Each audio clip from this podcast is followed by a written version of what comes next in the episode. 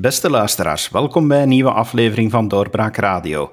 Ik ben uw gastheer David Geens en mijn gasten vandaag in de virtuele podcaststudio is Sieltje van Achter, fractieleidster voor NVA in het parlement van het hoofdstedelijk gewest Brussel. Zo heb ik het toch volledig correct gezegd, hè? Helemaal correct, ja. Dat is een hele boterham. Het is Brussels hoofdstedelijk parlement, ja. Klopt. Welkom mevrouw Van Achter. Ik heb u uitgenodigd omdat momenteel in Brussel uh, en zeker op het bord van de Brusselse regering een dossier uh, komt, met name ja, hoofddoeken, MIVB. Eh, daar gaan we nog zo dadelijk nog even op ingaan, maar even naar de kern van de zaak. de neutraliteit, de al dan niet neutraliteit van de overheid. Hoe staat NVA daar eigenlijk over? Neutraliteit hebben wij een hele duidelijke visie. Um, die neutraliteit moet natuurlijk gewaarborgd worden bij de overheid. En dat, is, uh, dat maakt dat je elke uh, uiterlijke kenmerken van uh, jouw politieke overtuiging, van jouw geloof, uh, van jouw ideologie, dat je die niet toont in het contact met de klant. Ja? Dus neutraliteit van de overheid of onpartijdigheid van de overheid, dat moet niet alleen volgen uit de daden van wat dat de overheid voor u doet, maar moet ook gezien worden als neutraal.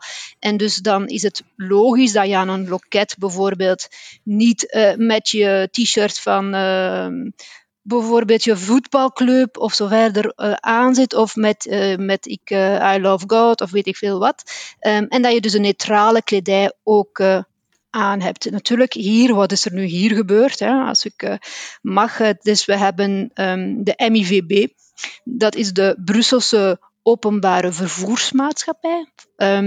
Dus de lijn van Brussel, hè, dus dat is onze, onze de lijn, hè, dus dat is de MIVB die is veroordeeld voor discriminatie omdat ze een vrouw niet hebben willen aannemen die haar hoofddoek wou dragen. En omdat eigenlijk het reglement van de MIVB zegt van ja, wij willen ook geen uiterlijke kenmerken van hè, filosofische, politieke of uh, religieuze um, geloof, hè, overtuigingen in, in, onze, in ons bedrijf. Uh, nu, voor MIVB is dat een heel pijnlijke zaak, omdat de MIVB is een um, openbaar vervoersmaatschappij die 9000 mensen te werk stelt en die eigenlijk uh, gekend is om haar Uh, diversiteit eigenlijk. Er, er, zijn heel wat Brusselaars van alle afkomsten uh, die aan het werk zijn bij de MIVB. En dus net dat, dat net die MIVB veroordeeld wordt voor discriminatie, um, is een hele pijnlijke zaak en is een, is een smet op hun blazoen dat ze eigenlijk niet verdienen. Hè. Ze hebben in het verleden ook altijd al prijzen gekregen omdat zij net zo uh, divers zijn en omdat zij eigenlijk een heel goed diversiteitsbeleid hebben, uh, dat er heel wat mensen um, van aller afkomsten bij hen aan het werk zijn en dat zij toch tevens ook hun neutraliteit bewaren en dat zij erin slagen om met, met al die Brusselaars en ook mensen van buiten Brussel uiteraard uh, aan de slag te gaan en een goed bedrijf te hebben en een goede, een goede openbaar, op, openbare dienstverlening te geven. En dus ja, we hebben eigenlijk de, de, dat vonnis, daarvan weten we, dat weten we uh, via een advies dat uh, Mark Uitendalen heeft geschreven. Dat is de, de man van, hè, me, mevrouw Onkelings, hè, dus de PS-signatuur. Die heeft een advies geschreven over dat vonnis van die arbeidsrechtsbank. En die heeft gezegd dat dat een heel um, activistisch vonnis is. Hè. Dat heel scherp is naar de MIVB toe. Um, en dat is eigenlijk MIVB dat niet verdient, zo'n vonnis. Ja. Um, en dus de directie van de MIVB, die wouden ook in beroep gaan tegen dat vonnis, wat logisch is dat je daar tegen in beroep gaat als je eigenlijk veroordeeld wordt voor discriminatie op toch echt een onterechte manier en via een activistische uitspraak. Um, en dus dat lijkt de logica zelf dat zij daar tegen in beroep gaan.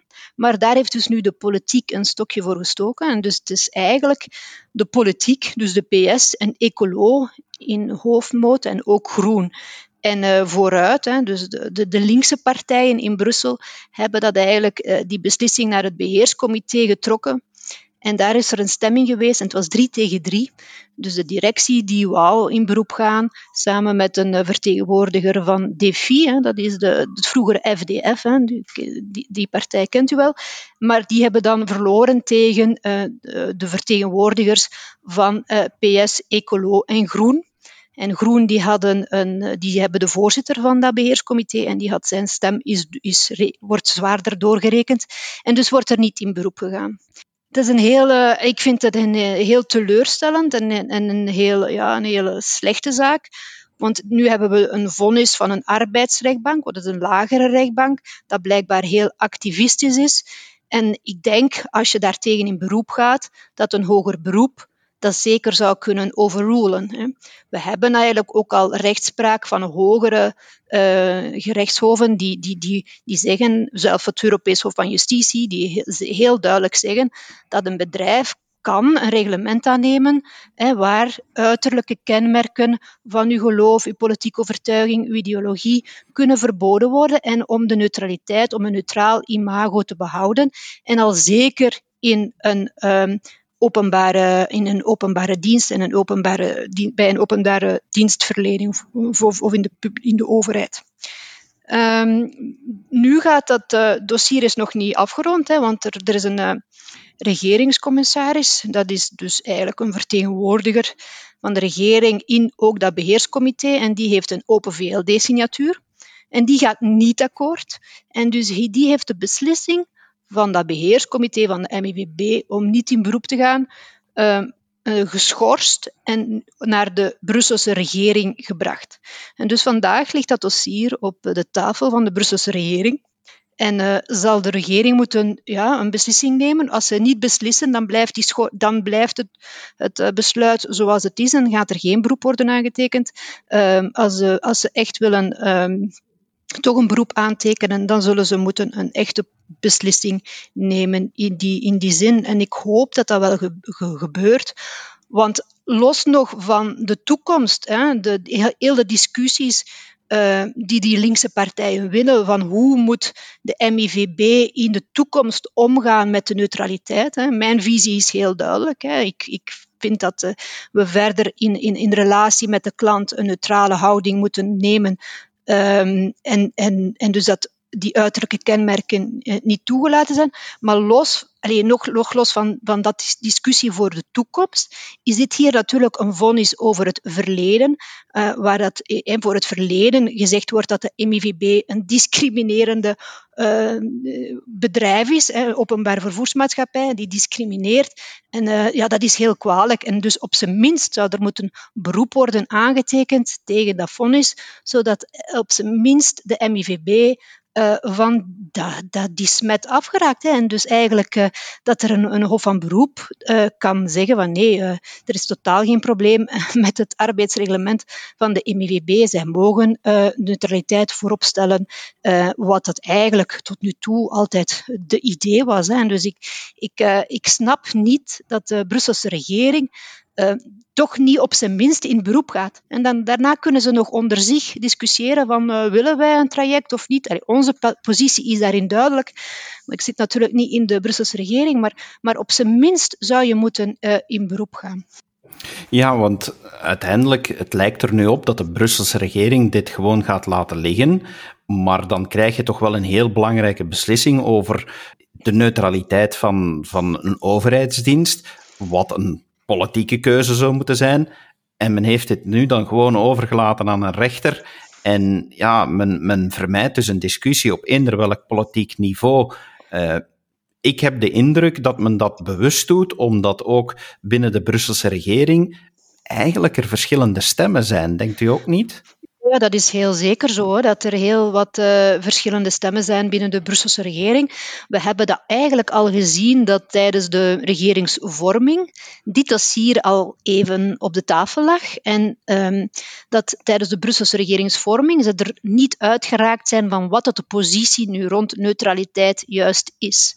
Um, in vergelijking, bijvoorbeeld de Vlaamse regering, die heeft dat wel opgenomen in haar regeerakkoord. Hè. Daar staat heel duidelijke passage van zo zien wij ons als uh, de uh, neutrale overheid en dit en dit kan en in onze scholen en zo verder. Maar de Brusselse regering is tijdens de regeringsvorming, ze hebben heel snel een regering gevormd, uh, zijn zij, hebben zij eigenlijk niet ten gronde doorgepraat. Hè. Je ziet dat op veel thema's, op de begroting hebben ze niet doorgepraat, maar ook op heel gevoelige thema's, zoals die neutraliteit, is er niet doorgepraat. En nu, nu uh, ja, wreekt zich dat natuurlijk, uh, want uh, het ligt vandaag wel op de regeringstafel en daar zien we heel, heel duidelijk de verschillende mening en het geruzie uh, tot in de commissie, tot in, het, in de media en in het openbaar.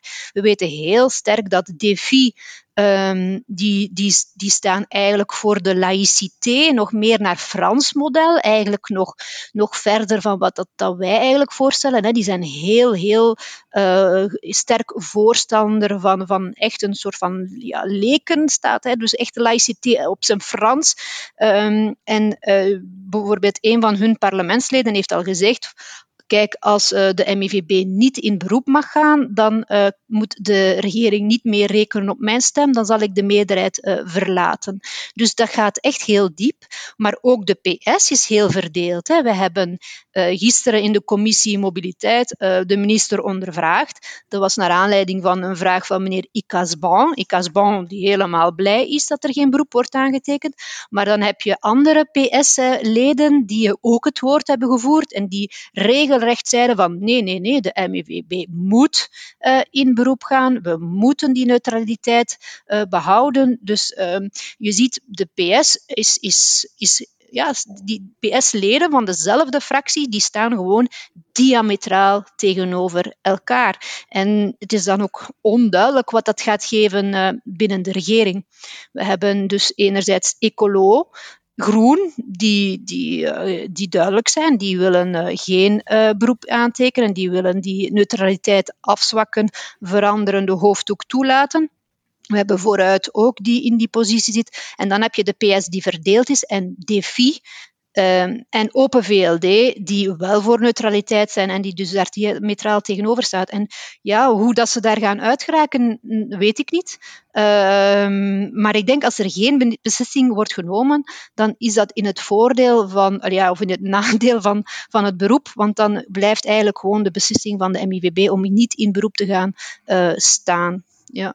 Maar ja, je, ziet het eigenlijk, loopt het echt heel slecht binnen die Brusselse regering. Uh, het is uh, deze week het dossier van de hoofddoek. Vorige week hebben we al een heel grote aanvaring ook gezien tussen PS en uh, Ecolo aan de ene kant en DEFI aan de andere, andere kant over uh, de hele kwestie rond uh, Palestina. Hè. Er was een resolutie over het conflict in, ingaande tussen Israël en Palestina.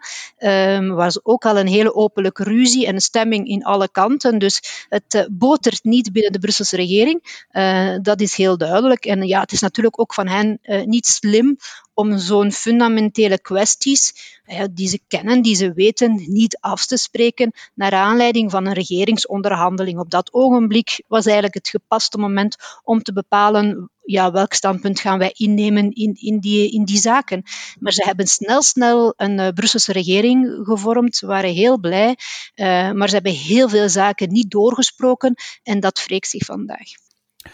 Voor N-VA is dit duidelijk geen uh, zwart-wit discussie voor of tegen de hoofddoek, want jullie nemen daarin het, duidelijke standpunt in van oké, neutraliteit in datgene wat zichtbaar is, maar er is geen probleem om, ja, laat ons maar de hoofddoek als voorbeeld nemen, om een hoofddoek te dragen in de binnendiensten. Dat, daar maken jullie echt wel het onderscheid in, hè? Ja, wij maken dat onderscheid in. Allee, het spreekt voor zich. Wij hebben een vrijheid van meningsuiting, wij hebben een vrijheid van godsdienst, wat ook cruciale principes zijn in onze democratische rechtsstaat. En dus in de publieke ruimte uh, kan, is iedereen vrij te dragen wat men wil, zolang natuurlijk de veiligheid en de openbare orde niet in gedrang komt. Eh, dat is als dus een dame wil een hoofddoek dragen, en, dan is dat totaal geen probleem.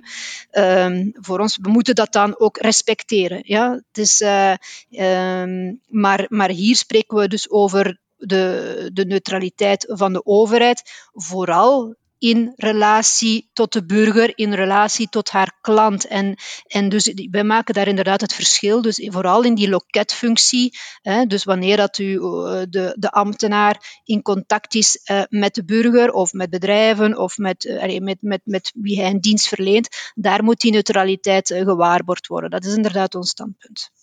En terug even naar die Brusselse regering. Eh, zoals u aangeeft, is er snel tot een vorming van die regering overgegaan. Zijn bepaalde zaken niet goed doorgesproken. Dat leidt nu tot strubbelingen. Leidt de kwaliteit van, van het regeringswerk daar, daar echt onder? En niet enkel in dit dossier, maar in het algemeen? Ja, dat is zeker en vast het geval in, eh, in, in, in Brussel. Wij hebben een, eh, een, ik vind een hele ja, een slechte regering. Hè. Regering vervoerd.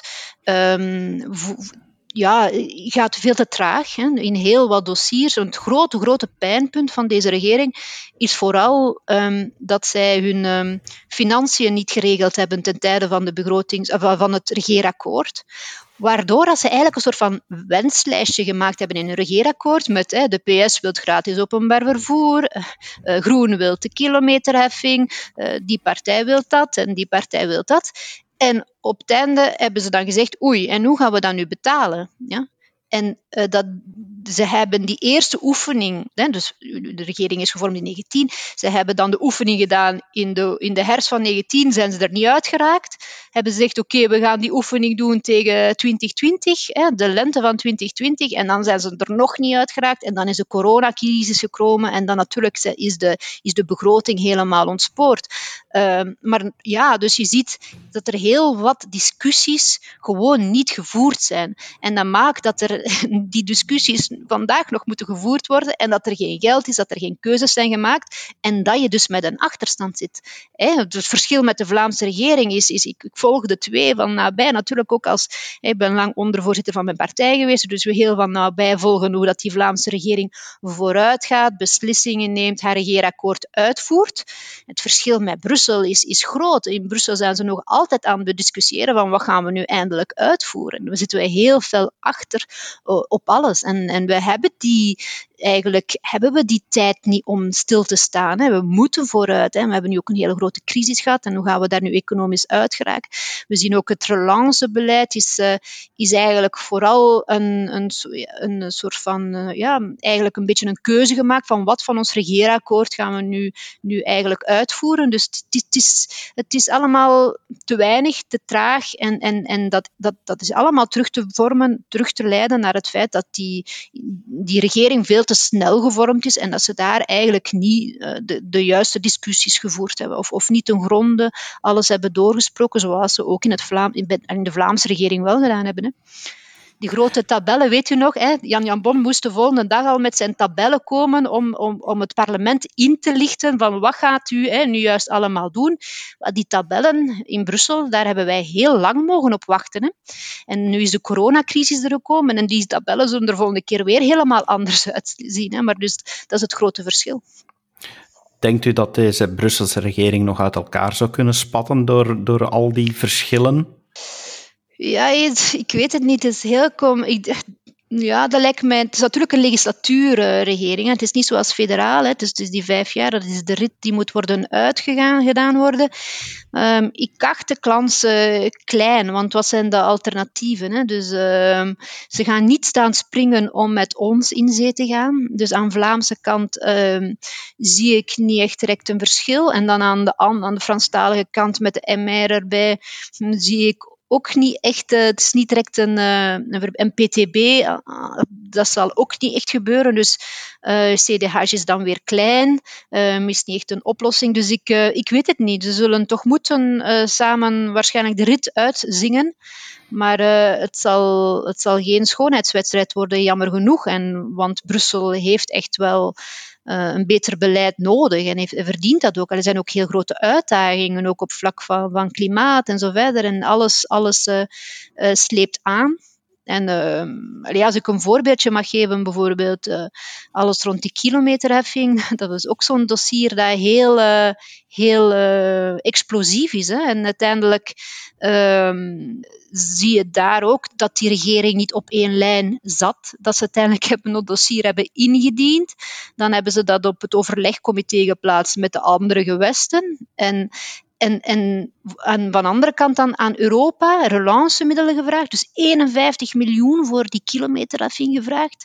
Um, en ja, en wat ik daarmee wil zeggen, dat is 51 miljoen euro gevraagd voor een, voor, voor een kilometerheffing, waar we niet eens weten waar gaat dit project naartoe. Hè? En waar, voor een project waar nog zoveel vragen zijn qua impact op de mobiliteit, qua impact op, het, op de leefmilieu, qua impact uh, op, op de rand en op de tewerkstelling en op de economie, qua juridische vragen. Er zijn zoveel vragen, dus dat is een dossier dat niet voldragen is. En dan zie je dat ze daar toch dat dossier indienen bij Europa voor relancemiddelen. En dus je vraagt je soms af, waar is die regering mee bezig? En ik denk, ik, ik stel de vragen in, in, in het parlement en ik vraag aan Gats, ik heb tot drie keer toegevraagd van waarom heb je nu 51 miljoen aan Europa gevraagd voor een dossier dat zo onzeker is?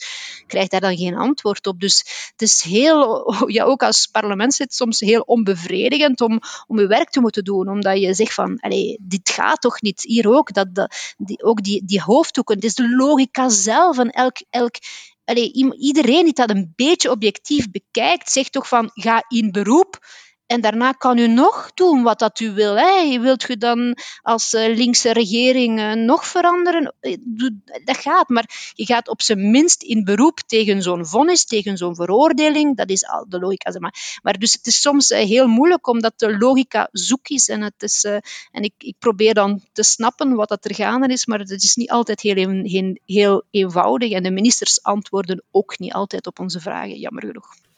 Jammer genoeg, maar alleszins zijn we nu toch al een stuk wijzer geworden hoe het daar uh, draait, of beter gezegd niet draait, of vierkant draait in Brussel. Voilà, ja. Dank je wel, mevrouw Van Achter, dat u de tijd hebt genomen om dat even toe te lichten eh, in de Doorbraak podcast.